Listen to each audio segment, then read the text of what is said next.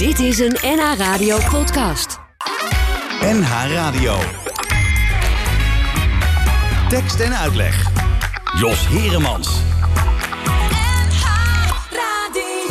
Als daar muziek voor is,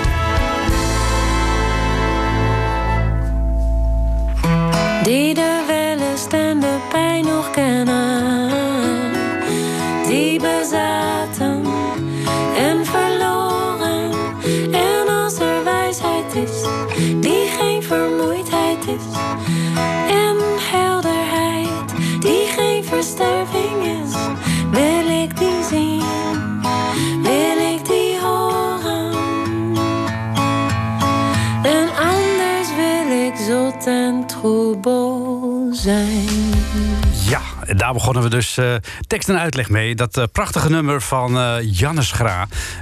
als daar muziek voor is, op tekst van Vazadis. En heeft ook alles te maken met de gast in deze tekst en uitleg. Dat is namelijk Jacques Leuters. Jacques, goedemiddag, mag ik zeggen. Ja, dank je. Eh, want dit gedicht eh, van Vazadis, eh, dat eh, ligt jou ook heel nauw aan het hart. Ja, dat betekent veel voor mij. In die zin, ik ben dus van afkomst uh, Neerlandicus. Hè. Ik heb Nederlands gestudeerd. Ik heb dus veel gedichten moeten lezen. En lees eigenlijk altijd, elke dag nog wel gedichten. En Vasalis was wel een van de grootste dichters die we gehad hebben. En ik heb op de radio, eigenlijk in mijn radioprogramma's... ook altijd geprobeerd uh, dichters binnen te halen... en gedichten voor te lezen. Omdat ik vind dat poëzie iets is wat in uh, ja, onze wereld aanwezig moet blijven. En uh, het hoeft niet allemaal even cryptisch en moeilijk te zijn. Uh, maar dit is bijvoorbeeld ook een gedicht wat volgens mij boeiend blijft. Het is toegankelijk, maar toch heeft het een mysterieuze kans, kant. En ik begin er elk jaar mijn radioprogramma mee. Ik heb een programma op de radio, Afrotros, op Radio 5.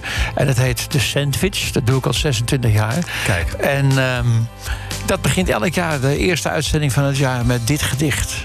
Ja, nou, uh, wij beginnen er nu ook maar mee. Uh, ju juist omdat jij het gast bent. Je zegt het al, je hebt een uh, radioprogramma, De Sandwich, op Radio 5. Iedere zondagochtend te beluisteren als felle concurrent van Cor Bakker hier. En die trouwens een goede bekende van je is. Maar ja, zeker, daar gaan we het later nog over hebben.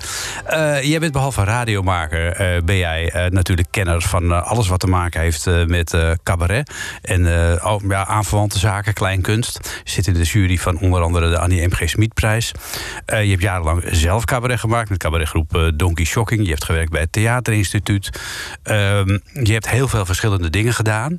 En je eh, hebt eh, meerdere boeken uitgegeven. Onder andere de biografie van Toon Hermans. Maar ook een boek over de kleinkunst in Nederland. 100 jaar amusement. Je hebt boeken geschreven over allerlei zaken waar je verstand van hebt. Maar ook boeken over jezelf. En de tweede daarvan is juist uit. En dat heet Ik moest vanmorgen denken. En dat is eigenlijk het vervolg op jouw eerdere boek. Waarbij je eigenlijk, eh, mag ik zeggen, nostalgisch achterom kijkt. eh, richting eh, het leven dat nog steeds in volle gang is. Maar voor een deel al achter je ligt. Heb ik het al goed samengevat? Nou, prachtig. Schitterend. Nou, gelukkig. wat, wat, wat, want jij begint iedere ochtend met het schrijven van een, van een column op Facebook met de woorden: Ik moest vanmorgen denken. Ja, dat betekent verder niet zoveel. Maar dat is een soort van vlaggetje wat je eraan wat je ervoor zet. Waardoor de mensen denken: oh, er komt weer een stukje aan, weet je wel. Ja. Ik moest vanmorgen denken, ja, en dan komt er iets. Vandaag had ik het over eh, dat nostalgie eigenlijk mijn ding niet is. Ik bedoel, het is je hebt wel gelijk dat ik soms nostalgisch ben. Maar het is niet zo dat ik in het verleden hang. Het is, verleden is voor mij meer iets eh, waar ik er heel veel van heb. Ja, dat gaat vanzelf, hè? eh, ja, en ik heb veel minder toekomst. En het heden is weer zo. Als je het woord uitgesproken hebt, dan is het alweer voorbij. Dus Ja. het verleden is je kapitaal. Ja. En eh, zoals koeien ook nogal eens herkauwen, zou ik maar zeggen. Zo vind ik dat je een tweede leven kunt hebben als je vaak over je verleden nadenkt. En nog eens nadenkt van, oh ja, hoe is het allemaal zo gekomen? En eh, het, je herinnering, je geheugen, dat zijn paden die je moet bewandelen. Als mensen nooit over vroeger nadenken, dan weten ze ook niks meer. Terwijl als je gewoon af en toe nog eens die paden bewandelt, hoe was dat ook alweer? Dan verandert het ook steeds, van dat je ouder wordt. Je staat anders in de wereld, je hebt geleerd en je kijkt soms anders terug op dingen Ja, als twintig jaar geleden. Ja, dat, dat, dat begrijp ik. En dat vind ik ook heel mooi zoals jij dat doet. Maar je loopt natuurlijk ook het risico, wat je bij andere mensen soms wel ziet, is dat het een beetje platgetreden paden worden en dat mensen in dezelfde groef blijven hangen van vroeger was alles beter. Ja, maar dat vind ik niet. Vroeger was alles anders, dat wel. Maar eh, nee, eh, je, kunt, je, je, je kunt aan vroeger denken eh, in de hoop dat je er iets van leert wat je nu niet meer fout zal gaan doen. Of je kunt aan vroeger denken om mensen op te roepen die er al niet meer zijn. En waarvan je denkt van het is toch leuk als ze in herinnering blijven. Dus Ja. dan beschrijf ik mensen die ik gekend heb. Je kunt je ook met het verleden inenten, als het ware. We zitten nu in een hele rare eh, tijd en we hebben een heel raar jaar achter de rug. Kun je zeggen, ja. En eh, eh, als je daar argeloos in bent gelopen, dan weet je niet wat je overkomt. Maar als je bijvoorbeeld, zoals ik, veel weet over hoe de mensen in de jaren 30 gevlucht zijn voor Mhm. Hitler bijvoorbeeld, of hoe de mensen ondergedoken hebben gezeten in de oorlog, ja, dan kijk je ook met, met, met die ogen Ja. naar deze tijd. Deed je het vroeger ook het omgekeerde? Toen je eh, bijvoorbeeld eh, jong was, dacht jij toen ook... eh, ik moest vanmorgen denken aan hoe het over 20 jaar zal zijn? Of over 30 jaar? Ja, ik was wel een, een jongen die. ehm, een soort van Kees de Jonge-achtige jongen die fantaseerde over hoe zijn leven verder zou worden. En, eh, maar ik heb eigenlijk altijd ook wel die hang naar het verleden gehad. En dat is eigenlijk zoals ook je eh, eh, religieus kunt zijn, of zoals je een echte sportman kunt zijn. Het heeft te maken met, met, met je genen. Dus toen ik op de middelbare school zat en ik was 14 jaar, toen schreef ik al in de schoolkant een stuk over het, over het verleden. Toen al. En niet Eerder over- nog, eerder nog. Ik heb eh, in 1955, toen was de oorlog tien jaar voorbij. Toen werd er een prijsvraag werd er uitgeschreven voor. moesten we een opstel schrijven over de Tweede Wereldoorlog. Je meent het. En degene, de, de scholier die dat dan. Ik zat in de. Ik denk dat ik in de vierde groep zes heet het tegenwoordig zat. En eh, degene die dat won, die kreeg een bal. Je kreeg een voetbal, kon je winnen. Kijk. En toen heb ik een opstel geschreven over de Tweede Wereldoorlog. En dat heb ik nog. Echt waar? Heb ik een bal mee gewonnen. ik heb en- het ook gelezen, dat opstel haast. En dat En- was en wat was de- verbijsterend. Wat was de eerste zin? Ik moest vanmorgen denken aan de Tweede Wereldoorlog. Nee, nee. Hoe dan? Het verhaal was wel eenvoudig. De, we werden plotseling verrast doordat de Duitsers binnenkwamen. En die waren veel te sterk voor ons en die overwonnen ons. De koningin ging naar Engeland, heel verstandig. Eh, we hebben de oorlog hebben we vreselijke honger geleden. En de kinderen hebben houtjes tussen de rails vandaan gehaald. om warmte te krijgen. En, maar toen kwamen de geallieerden en de ondergrondse. En toen hebben ze de Duitsers eruit gegooid en toen was de oorlog voorbij. Kijk, Dat was dus. Maar wat het wonderlijk is, de hele Jodenvervolging. Waar het nu Niet. eigenlijk om draait als het Ja, over de oorlog ja. gaat, kwam in het opstel niet voor. maar was dat misschien ook omdat dat in Nederland nog niet zo besproken werd in die tijd, 1955? Ja, dat denk ik, ja, dat denk ik. Eh, Het, het, ik het is dus, dat is dus een van de interessante dingen als je naar je verleden kijkt. Dat je denkt, hoe kan het? Ja.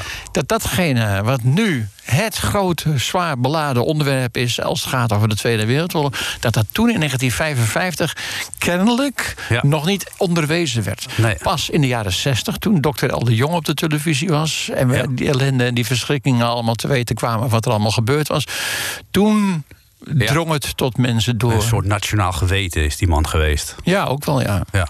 Eh, daar is later ook weer heel veel discussie over gekomen of hij het niet te zwart-wit zag. Ja. En dat er ook grijstinten waren. Enfin, Ja. eh, iemand die wel eh vooruitkeek in de toekomst was Jules de Korte. Die heeft er ook een lied over geschreven. Ik stel voor dat we er eerst even naar gaan luisteren. Als je overmorgen oud bent, dat kun je natuurlijk ook proberen voor te stellen.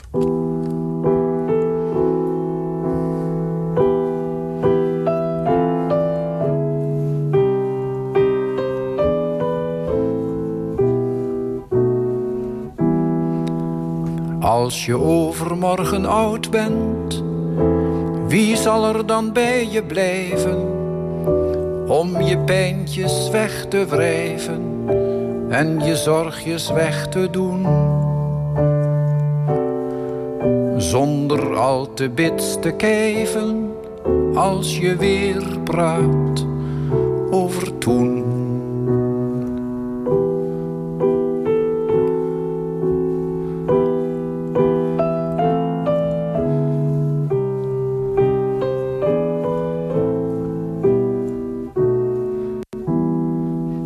Als je overmorgen oud bent, wie zal je dan moed inspreken?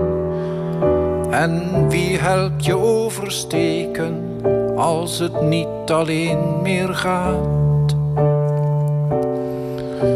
En wie zal de stilte breken die als ijs rondom je staat?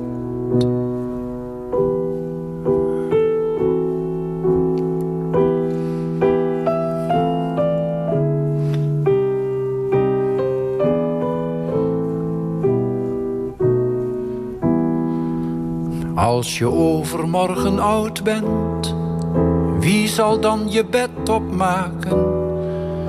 En wie doet je kleine zaken? En wie zorgt er voor je brood? En wie zal er bij je waken op de avond voor je dood?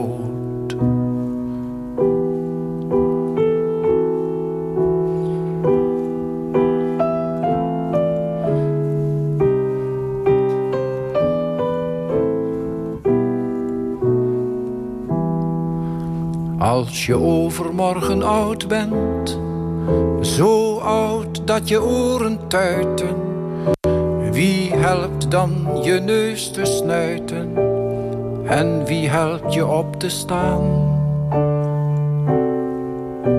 En wie zal je ogen sluiten als ze niet vanzelf dichtgaan?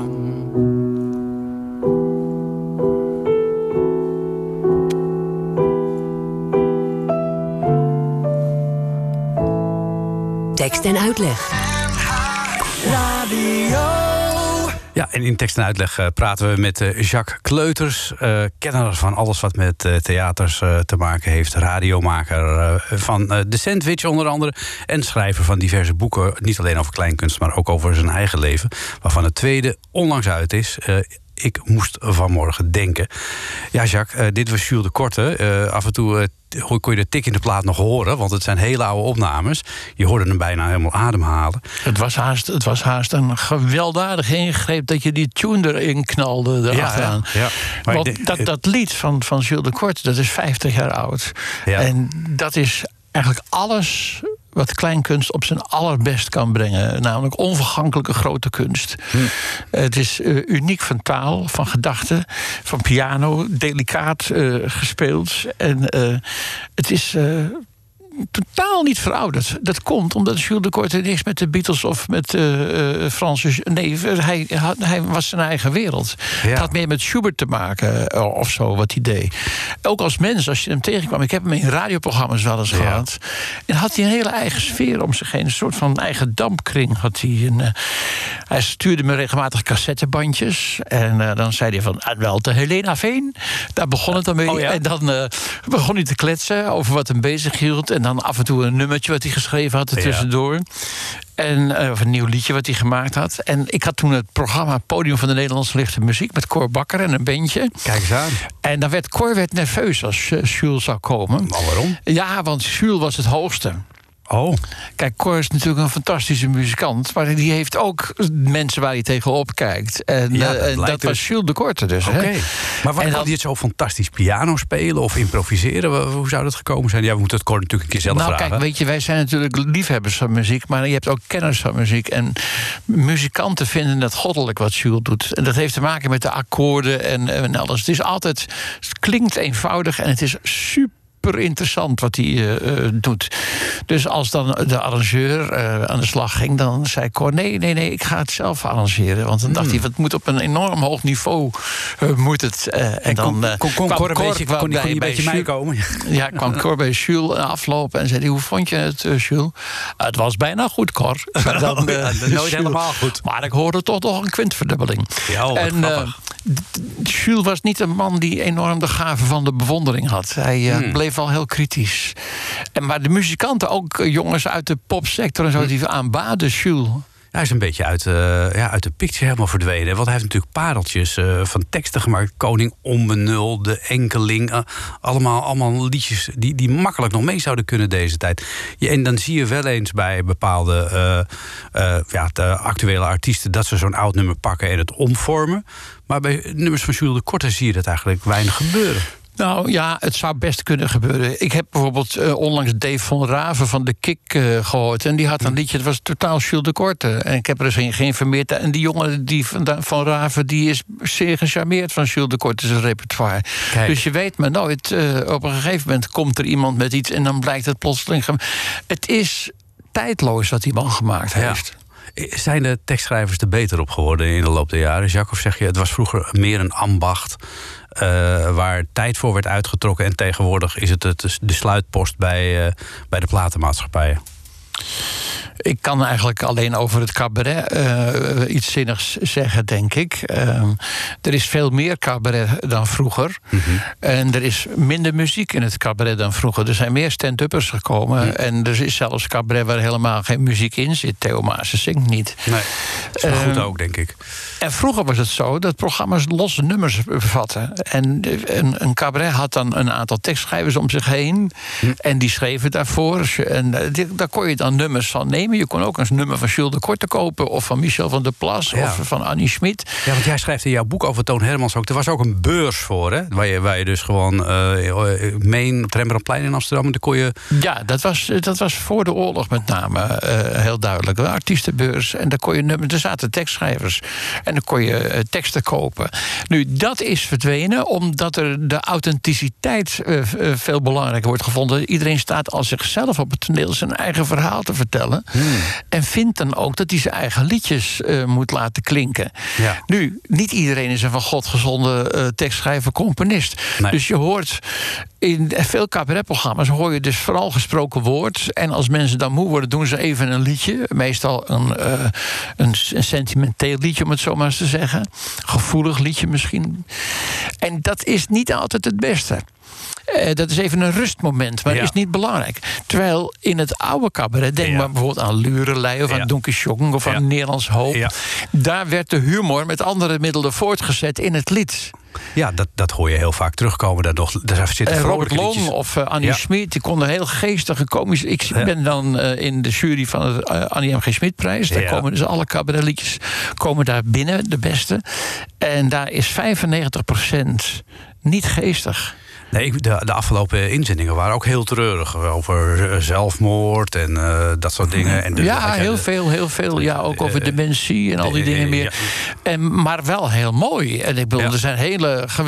Je hebt ook natuurlijk lichte ironie of wat dan ook, heb je ook wel. Maar eh, er zijn goede liedjeschrijvers op het ogenblik. ja, een hele goede. Jan Beuving is een hele Ja. goede. En die twee meiden die zijn hartstikke leuk. Jentel en de Boer, Jentel en de Boer. En zo zou ik er nog een, een flink aantal kunnen noemen die goed zijn. Maar echte schrijvers die om de vier regels een grap plaatsen. Die vind je bijna niet. Die hè? vind je, die, dat, dat, dat werkt, dat wordt niet meer gevraagd op het Ja. ogenblik. Ik wil eh, met jou even, eh, want ik, ik zit aan een bepaalde volgorde te denken die ik alweer kwijt ben. Maar ik wil toch even, we gaan, laten we eerst naar het verleden gaan, Jacques. Dat is altijd leuk. Ehm, ik wil even naar Pies Vies en Dirk Witte. Dat zijn toch wel eigenlijk eh, de, de grondleggers van het Nederlandse cabaret, mag je toch eigenlijk wel zeggen. En eh, we gaan even naar Mens Durft te Leven. Niet naar de opname van Vies zelf, want eh, die is zo slecht, dat willen we de Die luisteren. is er niet. Nou, ik heb wel iets gevonden. Is dat niet Pies Vies die dan zingt? Volgens mij niet. Als je het gevonden hebt, dan heb je de vondst van het jaar. Eh. Wat verdorie, wat heb ik dan gevonden? Ik hoorde iets, het was heel slecht. Misschien dat iemand anders dat dan zong. Ik ga eens kijken, ik ga het, je zo, ik ga zo voor je opzoeken. We hebben wel een uitvoering van uh, Ramses Shaffi. Het is een beetje jazzy uitvoering. En daarna gaan we het over Vies zelf hebben. Want behalve goede teksten schrijven uh, in die tijd... en uh, goed optreden... waren er natuurlijk ook zeer flamboyante types met, met een verhaal erbij. En dat heb jij ook opgeschreven. En dat wil ik graag van jou horen, hoe dat allemaal precies zit. Het levensverhaal van Vies. Mensen, blijf luisteren, want er vallen doden.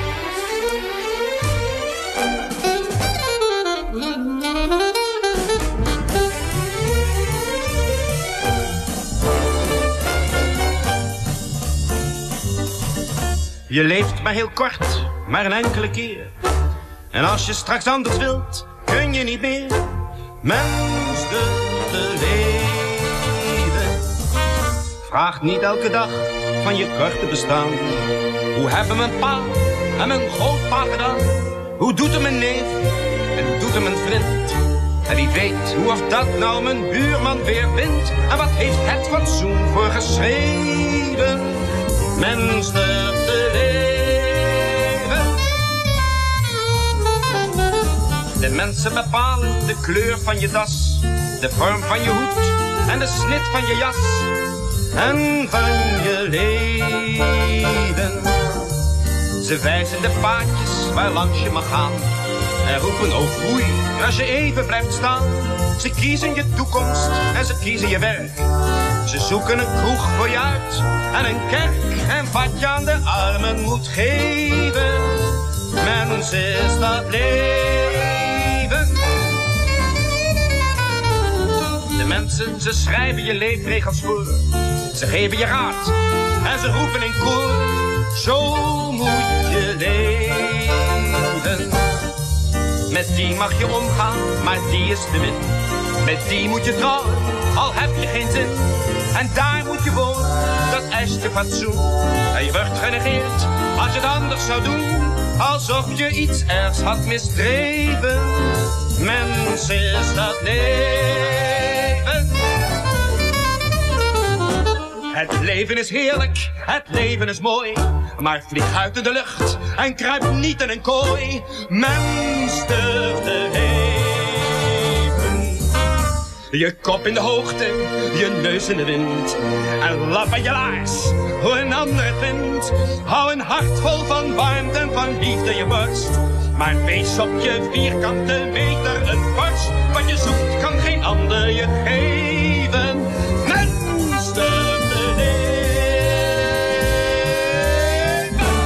Nou, als er iemand uh, was die durfde te leven, dan was het uh, Ramses Shaffi wel, kun je wel zeggen. Uh, op tekst van Dirk Witte, in eerste instantie uitgevoerd al ver voor de oorlog door Pies Vies. Laten we even beginnen met Pies Vies. Want de, de, grondlegger van het Nederlandse cabaret, of zeg ik het dan? is ja, hij werd de, de, vader van het Nederlandse cabaret genoemd door Wim Ibo. En Wim Ibo was de man die er verstand van had. En die schreef ook een boek over de geschiedenis van het cabaret. En die was dus degene die zei voor een televisieprogramma: laten we Ramses Shaffi dat lied zingen. Ja. En uh, dat was eh, swingend en dat was nieuw. En dat gaf dat lied een totaal. Ja, het was alsof het voor Ramses geschreven was in de tijd. Terwijl toen hij dat zong, toen was het toch al 50 jaar oud. Ja. En het klonk totaal vers. En ik was toen een jaar of drie, 24 en ik hoorde dat. Ik denk, ja, zo moet je leven. En dat lied is het enige lied uit de geschiedenis van het cabaret. Het is dus meer dan 100 jaar oud. Wat nog altijd gezongen wordt. Ja. Wende Snijders heeft het al een paar keer weer op de plaat gezet en zo. En wat is dat dan in dat lied? Nou, dat is de, de, de boodschap. Er staat eigenlijk in: mens.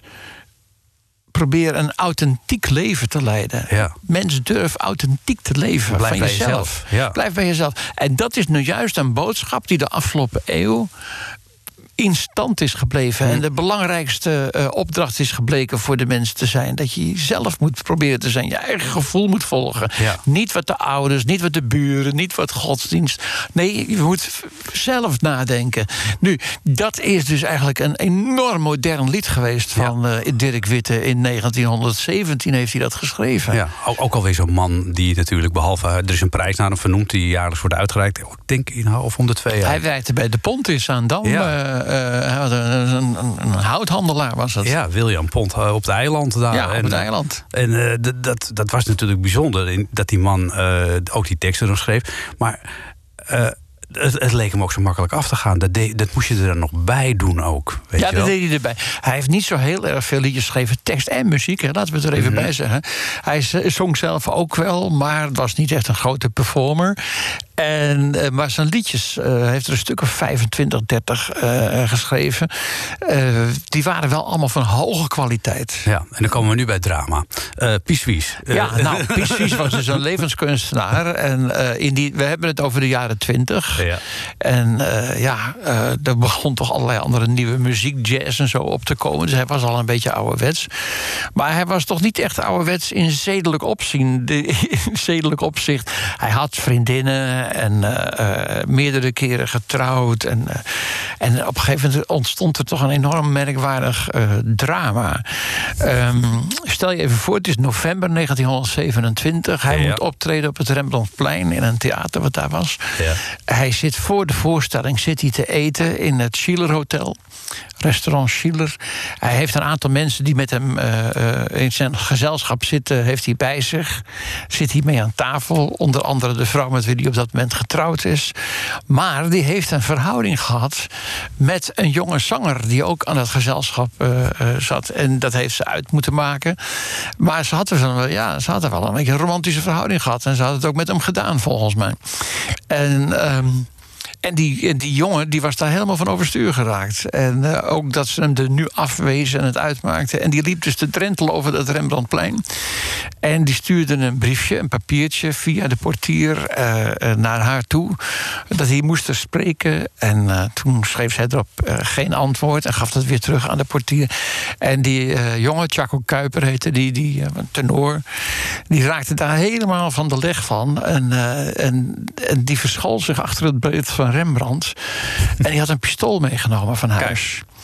En eh, op een gegeven moment is er afgerekend en is dus Pispies met zijn vrouw eh, eh, naar het Berlijn overgestoken naar het theater waar hij moest optreden. Ja. Ging dus ook rechtdoor over het parkje waar het beeld van Rembrandt staat. En daar kwam dus Jaco Kuiper plotseling tevoorschijn. En die richtte zijn revolver op die vrouw. En toen is Pispies voor haar gesprongen om haar te beschermen. Toen heeft Chaco Kuiper Pispies doodgeschoten. Toen heeft hij daarna die vrouw doodgeschoten. En vervolgens zichzelf doodgeschoten. Op het Rembrandtplein. Op het Rembrandtplein op 23 november 1927. Zijn daar nog dingen van terug te vinden? Want je zou zeggen, zo'n gruweldaad. Nou, wat misschien- daarvan terug te vinden is dat de kranten daar vol van stonden. En, Ja, nee, en dat het een onvoorstelbare... Stel je voor, drie bekende Nederlanders eh, doodgeschoten op het Rembrandtplein. Ja. eh, op een avond waar iedereen bij was. Het is toch onvoorstelbaar? Het was een onvoorstelbare tragedie. En eh, er is er veel over gepubliceerd wat er nou precies aan de hand was. En men kon in die tijd ook niet duidelijk zetten in de krant van ja, hij had een verhouding gehad met haar en zo. Dus dat moest allemaal. Oh, dat mocht je er niet niet in, dat mocht niet in de krant? Nee, dat, dat, dat kon niet. Dus dat werd allemaal verzwegen. Maar er was wel wat aan de hand, dat was duidelijk. Eh, wat een verhaal, zeg. Ja, het was een, een ontzagwekkend verhaal, ja. Ja, is daar ooit eh, een lied over die eh, omstandigheid eh, geschreven? Eigenlijk zit ik me af te vragen later. Nou, er, zijn, er is een toneelstuk over geschreven door Gerben Hellinga. en, in jij, het, eh, en jou? en nee, dat was een musical later Oh dat was Gerben. musical, Nee, er is ja. een toneelstuk over Oh, Pies Pies. over eh, precies zelf, ja. en dat heet De Mens durft te leven. ja. En, eh, ja, en er is veel over geschreven. En de, dochter van Pies Pies heeft eh, een biografie geschreven. Er, er is, er, is, er is best veel over bekend, ja. Wat een drama in die tijd. Ja. En, die, en die Dirk Witte is ook al zo sneu aan, aan zijn eind gekomen. Ja, die is in de, in de Weesp trekvaart gereden met zijn auto in 1930 of 31 geloof ik. Maar in ieder geval, dat was ook. eh, en daar was ook wel iets over te doen. Was hij nou dronken of niet en zo. En eh, ja, dat is ook nog over de erfenis en over de verzekeringsgeld. Is allemaal, ja, maar dat zijn allemaal. Daar moet je Henk van der Meijden voor heten. Omdat er, al- maar op zich. Nou, ik vind jou het ook aardig vertellen hoor. Oh ja. het zijn natuurlijk tragedies, hè, maar Ja. het geeft wel kleur. Als je, nou, als je zo- zo'n naam Pies Pies, dat zegt met niemand meer iets. Dat is eh, echt ouderwets. Maar ja, een, een tragedie en een, en een levensverhaal... dat blijft op de een of andere manier toch boeiend. Ja, ja zeker. zeker. Eh, over eh, levensverhalen en dergelijke. We zitten nu wel in de treurhoek. Eh, het wordt tijd om eh, eh, een beetje te gaan lachen. Eh, we gaan naar jouw eh, eigen cabaretgroep Donkey Shocking. Eh, meestal zit er alleen muziek in dit programma en praten we met de gasten. Maar nu laten we het praten even over aan cabaretgroep Donkey Shocking. Familiebedrijf. Eigenlijk ook een tekst die... ehm, ook in deze tijd nog steeds eh, moeiteloos gebruikt kan worden, toch? Ja, het is, het is ironisch. Ik weet niet of mensen nog ironie eh, begrijpen. Dus dat je eigenlijk iets anders zegt dan je eigenlijk wil zeggen. En ik heb die tekst geschreven, het heet Familiebedrijf... met eh, Flip Broekman eh, samen. En eh, mijn collega van Donkey Shocking, Fred Florissen, die doet het. Hij is de directeur van een bedrijf. Mensen, u denkt waarschijnlijk dat ik vanmiddag de kerstpakketten zal gaan uitdelen. Maar dan heeft u fout gedacht. Nee, ik eh, moet u helaas meedelen dat ik vanaf morgen geen directeur meer zal zijn van dit bedrijf. Ik heb dit besluit geheel uit vrije wil genomen. Zij het dat ik moet toegeven dat de schuldeisers knap lastig begonnen te worden. Voor u verandert er betrekkelijk weinig. Het enige wat u moet doen, dat is een ander baantje zoeken. Dat is het probleem niet. Maar wat moet er met mij? Zult u zich afvragen.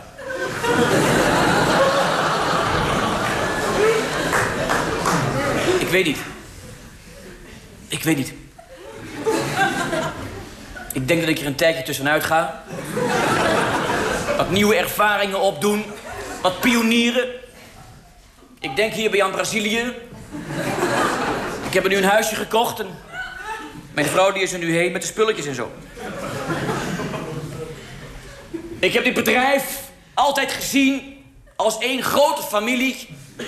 waarin werd gewerkt op basis van een gezond wederzijds vertrouwen... tussen directie en arbeiders. Niet voor niks heeft de vakbond hier nooit één poot aan de grond gekregen. en niet voor niks zijn wij tot op de dag van vandaag... het enige bedrijf hier in Nederland dat zich niet heeft gehouden aan het minimum jeugdloon. en dat is iets waar met name de jongeren onder ons trots op kunnen zijn. Ik ga hier geen pleidooi staan houden voor het vrije ondernemerschap. Natuurlijk. Ook ons bedrijf heeft zwarte dagen gekend. Ik denk hierbij aan de slechte beveiliging van de machines. Wat een van onze arbeiders nog eens zijn rechterarm heeft gekost. Maar dan moet ik u dit zeggen. Zijn offer is niet voor niks geweest. Want de arbeiders kijken tegenwoordig een stuk beter uit.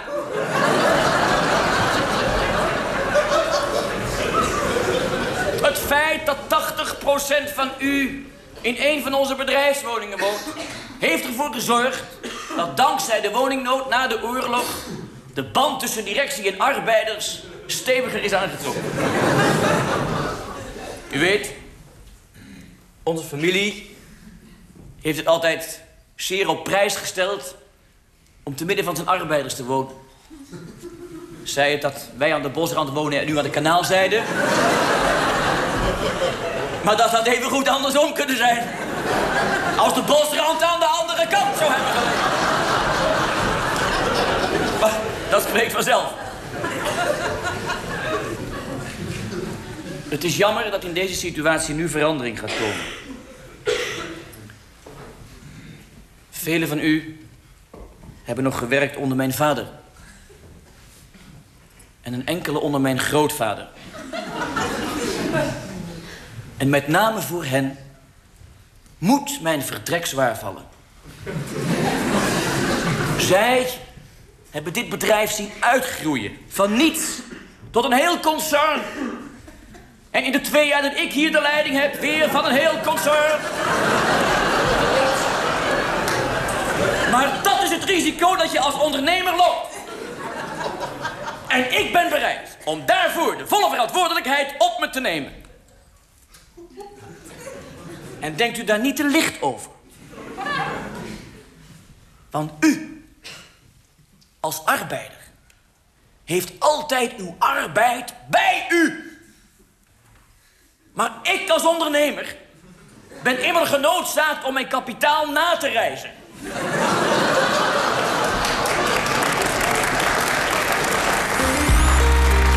Tekst en uitleg. En uitleg. Ja, Jacques Leuters. eh Donkey Shocking met eh, dit eh, prachtige verhaal. Ja, ik vond het leuk om dat weer eens te horen Ja. na al die jaren. Het, het is nog steeds wel... ja, alleen zou je in plaats van de directeur nu de aandeelhouder, aandeelhouders kunnen zeggen. ja, zou kunnen, ja. Of de CEO's. En ik weet niet of de mensen ironie nog wel zo begrijpen. Dat, is- dat was, in die tijd was dat meer in dan tegenwoordig. Mensen, het moet allemaal waar en echt en zo zijn. En dat je eh, met een knipoog iets vertelt... dat is wat moeilijker te begrijpen tegenwoordig. Mensen worden ook veel gauwer boos of zo. Maar moet de, moet de humor ook harder dan toen? Want dit was natuurlijk, ja, de, de lichte ironie is dit. Ik bedoel, dit is, eh, en het is niet eh, eh, van dik hout zagen met planken humor. Nee, het is, ja, het is intelligent, ja. Nee, het is niet van dik hout zaag met planken. Maar het is, het is- ja, het is slim. ja, maar ik vind het zelf erg leuk, ja. Ja, dat is het ook nog steeds. Hoe ben je ooit in de tijd overigens in het cabaret verzeild geraakt? Is dat Er organisch hing, een, gegaan? eh, er hing een briefje op de gang. Waar? Nou, ik, ja, ik studeerde, eh, ik was student en eh, Nederlands. En eh, we zaten in het Lambert en Kaartenhuis op de Herengracht. En daar hing een briefje op de gang van Wille de Eerstejaars... die meedoen met het cabaret zich opgegeven bij George Groot. Ik had nog nooit van George Groot gehoord. En cabaret was ook niet iets waar ik van wist. Ik geloof dat we met ons gezin één keer bij Toon Herbels... of bij Fons Jansen zijn geweest. Maar verder wist ik niks van cabaret. Maar er was een studiegenoot die zei van... ja, maar jij hebt wel eens liedjes geschreven. Je schrijft ook gedichten en zo. Dus ga jij hem maar opgeven. En ik had een goede stem. Ik kon mooi zingen. Hoe kwam dat zo? Eh, jij zat toch ook in het kerkkoor? Ja, ik was op mijn twaalfde was ik als solist in het kerkkoor en zo. eh, Mozart. En het, ja, nee, ik had al een carrière achter de rug als uh, jongensopraan. Ja. Dus ik, en ik hield ook heel erg van zingen. Hm. Toen heb ik me opgegeven bij die George Groot. En ik had een liedje geschreven over Robert Jan Grootveld. eh, Robert Jasper Grootveld, provo. eh. en dat viel in goede smaak. En eh, toen zei hij van nou, dat is goed. En toen hebben we dus een studentenavond georganiseerd met liedjes. En er was nog een student, een Hans Dorrestein, die had ook iets voor geschreven. En we hadden een docent, een Willem Wilming, die had ook iets gemaakt. En George Groot had iets geschreven en ik. En zo hadden we een amateuravondje en dat had succes. En ja, nou een paar jaar later keek ik achterom en toen was ik beroeps geworden. Ja, en hoe, hoe is dat eh, tot Donkey Shocking gekomen? Want je noemt al een paar grote namen, maar Willem Wilmink heeft niet bij Donkey Shocking gezeten. Nee, dat waren docenten of medestudenten. De Ivo de Wijs liep ook rond op dat instituut. En Freek de Jonge liep daar rond op dat instituut. Wat een goudmijn is dat geweest. En Adria van Dis en Gerrit Komrij en weet ik veel. Er waren allemaal aankomende dicht. Waren dat gouden tegenwoordig jaren, of- stu- of- of- tegenwoordig studeren mensen culturele wetenschap of wat dan ook. Als je niet weet wat je wil worden, dan ging je vroeger ging je of rechten studeren. Mhm. Kon je ook nog nog alles worden. Of PSF, dat was politiek. Oké. Kon je ook alles worden. Of Nederlands. Ja. Dus als je iets met literatuur of met kunst of journalistiek of wat dan ook had, dan ging je Nederlands studeren. Ja, tegenwoordig is de studie Nederlands geloof ik opgegeven, zelfs aan de VU. Vrijwel, ja. Het is toch niet te geloven eigenlijk. Maar dit, die, die jaren was dus een goudmijn. Nu is het communicatiewetenschappen. Als mensen niet weten wat ze willen, dan gaan ze dat studeren. Het maakt niet uit. Ja, of Het bedrijfskunde. was een milieu. Het was een milieu waarin allemaal jonge mensen waren die iets wilden met met literatuur. We wilden lezen.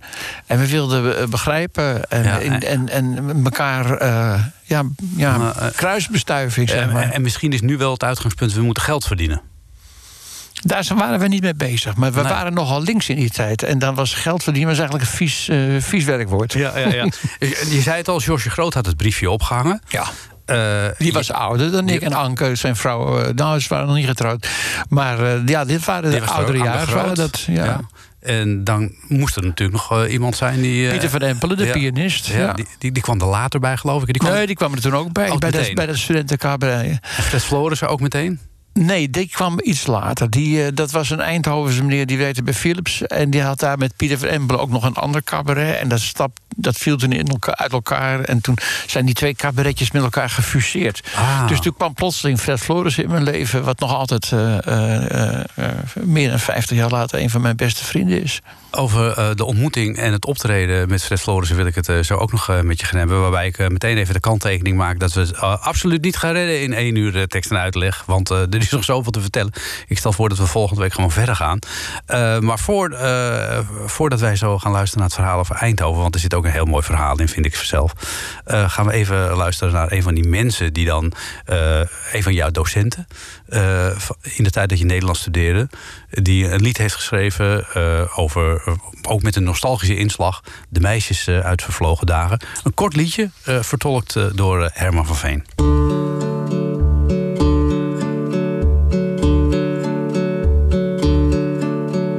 Meisjes uit vervlogen dagen, we weten niet meer waar ze wonen. Nooit zullen zij zich meer vertonen, waar wij wel eer hun lichaam zagen. De buren hun adres te vragen, zal in geen straat de moeite lonen. We weten niet meer waar ze wonen, de meisjes uit vervlogen dagen. De liefdesnacht met zijn schablonen, wanneer die eindelijk ging vervagen, dan lag er schaamrood op de koenen van meisjes uit vervlogen dagen. Soms was de nacht zo wonderschoon dat hij de ochtend kon verdragen bij de meisjes uit vervlogen dagen die wij niet meer weten te wonen. Prachtig Te lied. wonen. Ja, hij kwam nog een keer. Dat, eh, daar had ik alweer niet op gerekend, hè? Dat eh, de slotzin herhaald werd. Een instinker noemen we dat in Ja, ja precies. Ja, zit ik er gewoon in te stinken. Eh, Willem Wilmink, ja, prachtig liedje. Eh, Vervlogen dagen. Ehm, voel jij ook, eh, nu jij dit boek hebt geschreven... dat je het hebt over vervlogen dagen? Ja, natuurlijk zijn het vervlogen dagen. En eh, eh, Willem Wilming, daar was ik mee bevriend. Eh, dat was aanvankelijk mijn docent. En daar gingen we mee close readen. En dat is het gedichten bestuderen en kijken wat staat er nou eigenlijk precies. En eh, hij ging voor ons schrijven. Hij woonde in Amsterdam op het Emmaplein. En was getrouwd, had twee kleine kinderen. En ik kwam daar over de vloer. En die man die had zo'n ontzettende fijne manier van praten. En die wist zo verschrikkelijk veel. Woonde in een spookhuis. Oh, je En, meent eh, het. Ja, op het eens. in een spookhuis. Wat- nou ja, ik, ik herinner me dat we, daar- hij belde een keer op. En ik woonde in de Helmerstraat. Hij zegt van, Sjaak, ik heb je toch al eens verteld van het spookhuis. Ze zijn aan het spoken. Ik zeg, ik kom er meteen aan.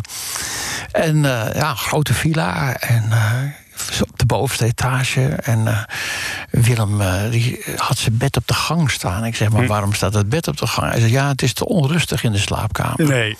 Hij was toen getrouwd met Noor. En eh, ja, zegt Noor, er zijn voortdurend rare dingen. Dan hoorden we weer met dingen, mensen marcheren over, het, over de vliering. Ben ik s'nachts gaan kijken, was niks te zien. En er was een zo'n rare vlek op het plafond. Een onheilspellend gevoel hadden we daarbij. En toen heeft Willem zijn broer dat weggeschilderd. En toen kwam het een dag later op de muur weer dezelfde vlek weer terug. En zo waren er allemaal rare verschijnselen geweest. En eh, nou ja, we zeiden van nou, we gaan gewoon wachten tot we dan eh, wat merken en zo. Dus ondertussen werd, was Willem heel erg eh, op zijn praatstoel en gedichten van aan het uitleggen aan me en zo. En weet ik veel. Hij zei, zal ik eens een sprookje voorlezen van het lelijke eendje, ken je dat? ik zei, ja, dat ken ik wel. En, nou, zei hij, dat vind ik een heel leuk sprookje. En eh, hij zei, maar dan lees ik het in het Deens. Oh. En toen ging het in het Deens ging hij het voorlezen, sprookje van anders. Ik zeg, maar waar- eh, spreek je dan Deens? Nee, zegt hij, maar ik spreek dat is eigenlijk bijna hetzelfde. en, eh, en toen op een gegeven moment hoorden we geluid uit de keuken komen. Een soort van, ja, ja raar, een beetje raar geluid. Iets tinkelends of zo. Ja. Ik zeg, nou, het lijkt wel alsof het glazen zijn die op de ijskast staan, die aanslaat. Of, maar dan gingen we kijken, we zagen niks bijzonders. En toen zei ik, van, nou, dan gaan we net zo lang hier zoeken, totdat we weten wat het is. En toen hebben we een kwartier lang hebben we alles onderzocht, goed nagedacht. En uiteindelijk zagen we ook wel wat het was. Er stonden theebusjes op eh, de schoorsteenmantel in de keuken. En die waren allemaal door elkaar gestaan.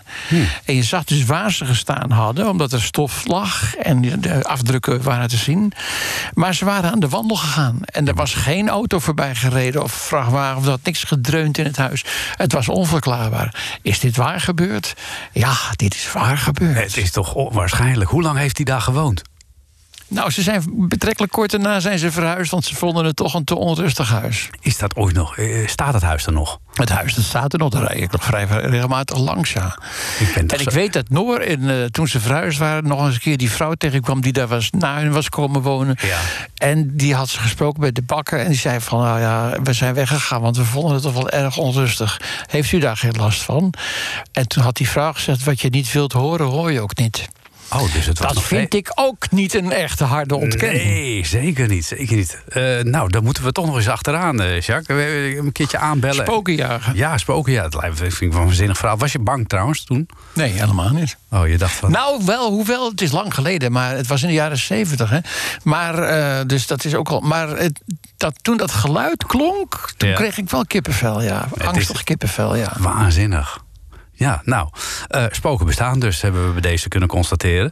Er is meer tussen hemel en aarde, mijn vriend Horatio, daar waarvan Ja. uw wijsheid droomt. Zo is dat. Wat was dat een goed programma trouwens eh, toen de tijd. Tussen Ja. hemel en aarde heette dat. Met allemaal dat soort verschijnselen. Ja, leuk was Ja, ja, dat zou ik nog wel eens een keer willen, weer willen zien op televisie, zo'n programma.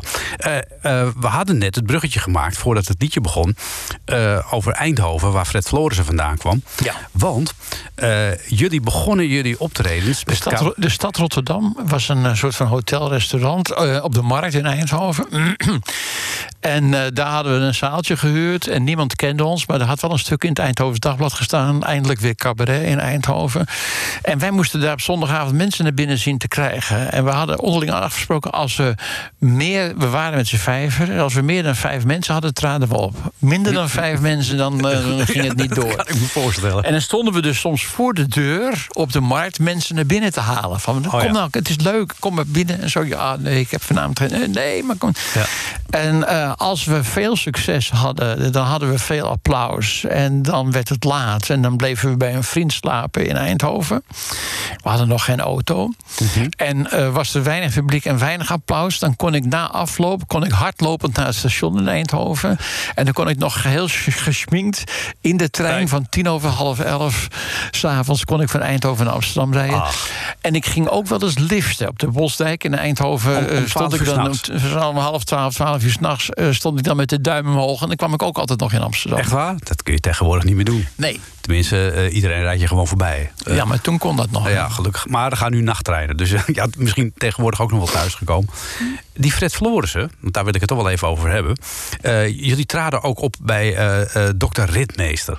En ja, dat ik was, werkte bij Philips, Philips Nederland. En binnen de kortste keren traden we op op allerlei personeelsfeesten. Maar ook bij de hoge heren, bij de directeuren van Philips. De leden van de raad van bestuur, die daar in die bossen rond Eindhoven woonden. En dat waren interessante avonden, waren dat wel. Wij waren nogal links en zij vonden dat hartstikke leuk, zeg. Ja, ja, lekker, lekker revolutionair. en, uh, en er kwamen ook wel bij ons kijken. En op een gegeven moment kwam er een uh, dokter Ritmeester en zijn vrouw. En de man was gemeenteraadslid en uh, bekende arts van PSV en zo. En die vrouw die had veel liedjes geschreven voor Connie van der Bos. Paleis met gouden muren, ik ben gelukkig zonder jou. Dat heeft zij gemaakt? Had die mevrouw Ritmeester geschreven, ja. En die hmm. noemde zich Hanny Meiler. Oké. En ehm, dat was een goede En zij vond ons leuk. En die man vond ons ook leuk. Ja. En Fred Flores vond die mensen hartstikke leuk. En die zei dus tegen mevrouw Meiler... heeft u niet een leuke dochter, een beetje zoals u zeg maar... maar dan in een andere leeftijd? Ja, zet ze, die heb ik wel. Nou, die kwam dus ook kijken. Je meent het. En dat was Aniette Florissen. En daar is hij nu al meer dan 50 jaar mee getrouwd. En er was er ook nog een, een zoon in En een zoon, die kwam ook kijken. En uh, was Frits Ritmeester. En uh, die kennen we ook nog altijd als Frits Spits, uh, radiocollega. Ja, en die ook, ook, ook een meester in de taal natuurlijk. Ja, maar ja, die ken ik toen nog. Had hij een, een platenkoffertje bij zich. En hij zat nog op de middelbare school. En hij draaide uh, plaatjes op klasavonden. Het is toch niet te geloven, hè? De wereld is klein wat dat betreft dan, hè? Als je het zo nagaat. Van iedereen blijft elkaar dan toch wel ontmoeten. Later ja, leuk vind ik dat ook wel. Heel erg leuk. Ik, uh, ik vind ook wel vriendschap heeft ook met, met duur te maken. Hè? En uh, ja, dat is iets heel speciaals als je mensen al 50 jaar kent. Ja. welke mensen ken je nog meer al zo lang? Behalve Fred? Nou ja, ik ken mensen die nog van de lagere school zijn. En uh, ik ken mensen van de middelbare school. Ik, maar ik hou wel contacten aan. Hmm. En uh, het is ook leuk om hele nieuwe mensen in je leven te hebben. En, want het, het gevaar als met van oude vrienden is... dat je voortdurend dezelfde verhalen gaat ophalen. Weet je? En, uh, Annie Schmid die zei dat een keer tegen me. Ze zegt, ik had laatst had ik weer een oude vriend over de vloer. En toen dacht ik alsmaar, oh god, oh god, wat erg. ik verlang zo naar de zaterdagochtend als Adelheid Rozen en George Groot... en al die jonge acteurs die weer komen voorlezen. Ja. En als we weer ruzie krijgen en als het er ergens over gaat... want deze oude verhalen over vroeger, die ken ik allemaal al. Ja, dat is dus, Maar daar voelde ik me dan wel een beetje door beschaamd. Daar, kwam, daar kwam je ook wel over de vloer, hè, bij Annie Ja, in de jaren 80, 90 kwam ik veel bij Annie over de vloer. Elke week, want ik las haar voor. Oh ja, er was een clubje voorlezers voor haar, geloof ik ook. En jij zat erbij en haar zo. Nee, er was een clubje uh, en die, uh, die lazen toneelstukken op zaterdagochtend. Oh, dat was het, en, ja. uh, en, maar er waren twee voorlezers. Sjane Roos, een oude vriendin van haar, journalist van het Parool. En ik kwamen door de week ik kwam op donderdagmiddag en dan gingen we eerst witte wijn drinken en roddelen. En dan gingen we voorlezen. Ja, dat is toch fantastisch. En welke verhalen zaten er dan vooral bij? Wat, wat, wat lazen jullie dan voor? Filosofie en geschiedenis. Ik weet nog dat we over de Franse Revolutie een uh, boek lazen. En dan werd uh, een of andere uh, adellijke heer werd onthoofd. en dat was geweldig goed beschreven. Denk aan Pushkin of zo. En en dat moest ik drie keer voorlezen. Ja, heerlijk, zei ze. Hij is dood nog een keer. ja, dat zijn toch wel prachtige verhalen die je, ja, die, die je ook kunt terugvinden trouwens in het boek eh, van Jacques. Nou ja, dat is dus het leuke van dat boek wat ik al geschreven heb. Ik heb toch wel veel eh, mensen leren kennen in, ja, in de loop van mijn leven. Interessante mensen ook. En uh, dat het een biografische kant heeft, dat boek. Dat is niet zozeer omdat ik mezelf nou zo verschrikkelijk interessant vind. Maar omdat ik het leuk vind om uit mijn herinnering die mensen op te roepen die ik gekend heb. Ja, dat lijkt me ook heel leuk. En daar zijn we ook nog lang niet klaar mee. Dus we moeten volgende week door. Uh, ik wilde deze aflevering uh, besluiten. We hadden het net al even over Twents accent. Uh, een, een, lied van een, geschreven door een man die helaas in de laatste fase van zijn leven verkeert. Jeroen van Merwijk. En uitgevoerd door iemand die jij ook bewondert. Herman Vinkers. Waar we het volgende week dan nog even over gaan hebben, denk ik een ding. En dan gaan we volgende week verder, Jacques. Ik liep laatst over straat en zag een ding staan. Ik liep laatst over straat en zag een ding staan. Het was een ding met iets daaraan en daar dan van die dingen aan. Ik liep laatst over straat en zag een ding staan. Ik zag een eentje verder weer een ding staan. Ik zag een eentje verder weer een ding staan. Het was een ding, daar hing iets aan, daar hingen dan weer dingen aan. Ik liep laatst over straat en zag een ding staan. Waarom zijn al die dingen daar ineens maar neergezet? Is er een dingenmotie aangenomen of een dingenwet? Dat in elke straat en elke laan voortaan een soort van ding moet staan? Ik liep laatst over straat en zag een ding staan. Toen kwam ik in mijn straat en zag geen ding staan. Ik zag bij mij op straat niet eens een ding staan. Nergens een ding met niks eraan, laat staan met daar weer dingen aan. Ik zag bij mij op straat niet eens een ding staan. Ik dacht, er moet bij mij op straat zo'n ding staan. Er moet bij mij op straat ook een ding staan? Dus nog eens een ding met niks eraan of met misschien één ding eraan. Dat maakt niet uit, ik vind er moet bij mij zo'n ding staan. Ik schreef een brief, er moet bij mij zo'n ding staan. Er moet bij mij op straat toch ook een ding staan? Het liefst een ding met die staar aan en daar dan van die dingen aan. Ik vind er moet bij mij op straat een soort van ding staan. Er kwam een man die zei: U hebt geen ding staan? Ik zie bij u op straat niet eens een ding staan. Er hoort een ding bij u te staan met daar dan van die dingen aan. U heeft zeer onterecht bij u op straat geen ding staan. Ze kwamen even later met een ding aan. Ze kwamen even later met een ding aan. Het was een ding met iets eraan en daar dan van die dingen aan. Ze kwamen even later met een ding aan. Nu heb ik ook sinds kort op straat een ding staan. Ik heb sinds kort bij mij op straat een ding staan. Het is een ding met iets eraan en daar dan van die dingen aan. Goddank heb ik op straat, goddank heb ik op straat, goddank heb ik op straat nu ook een ding staan.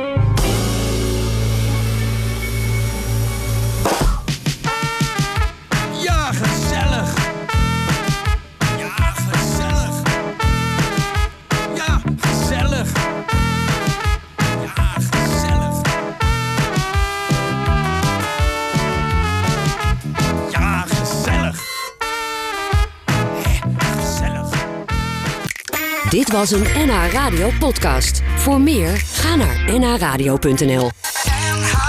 Radio.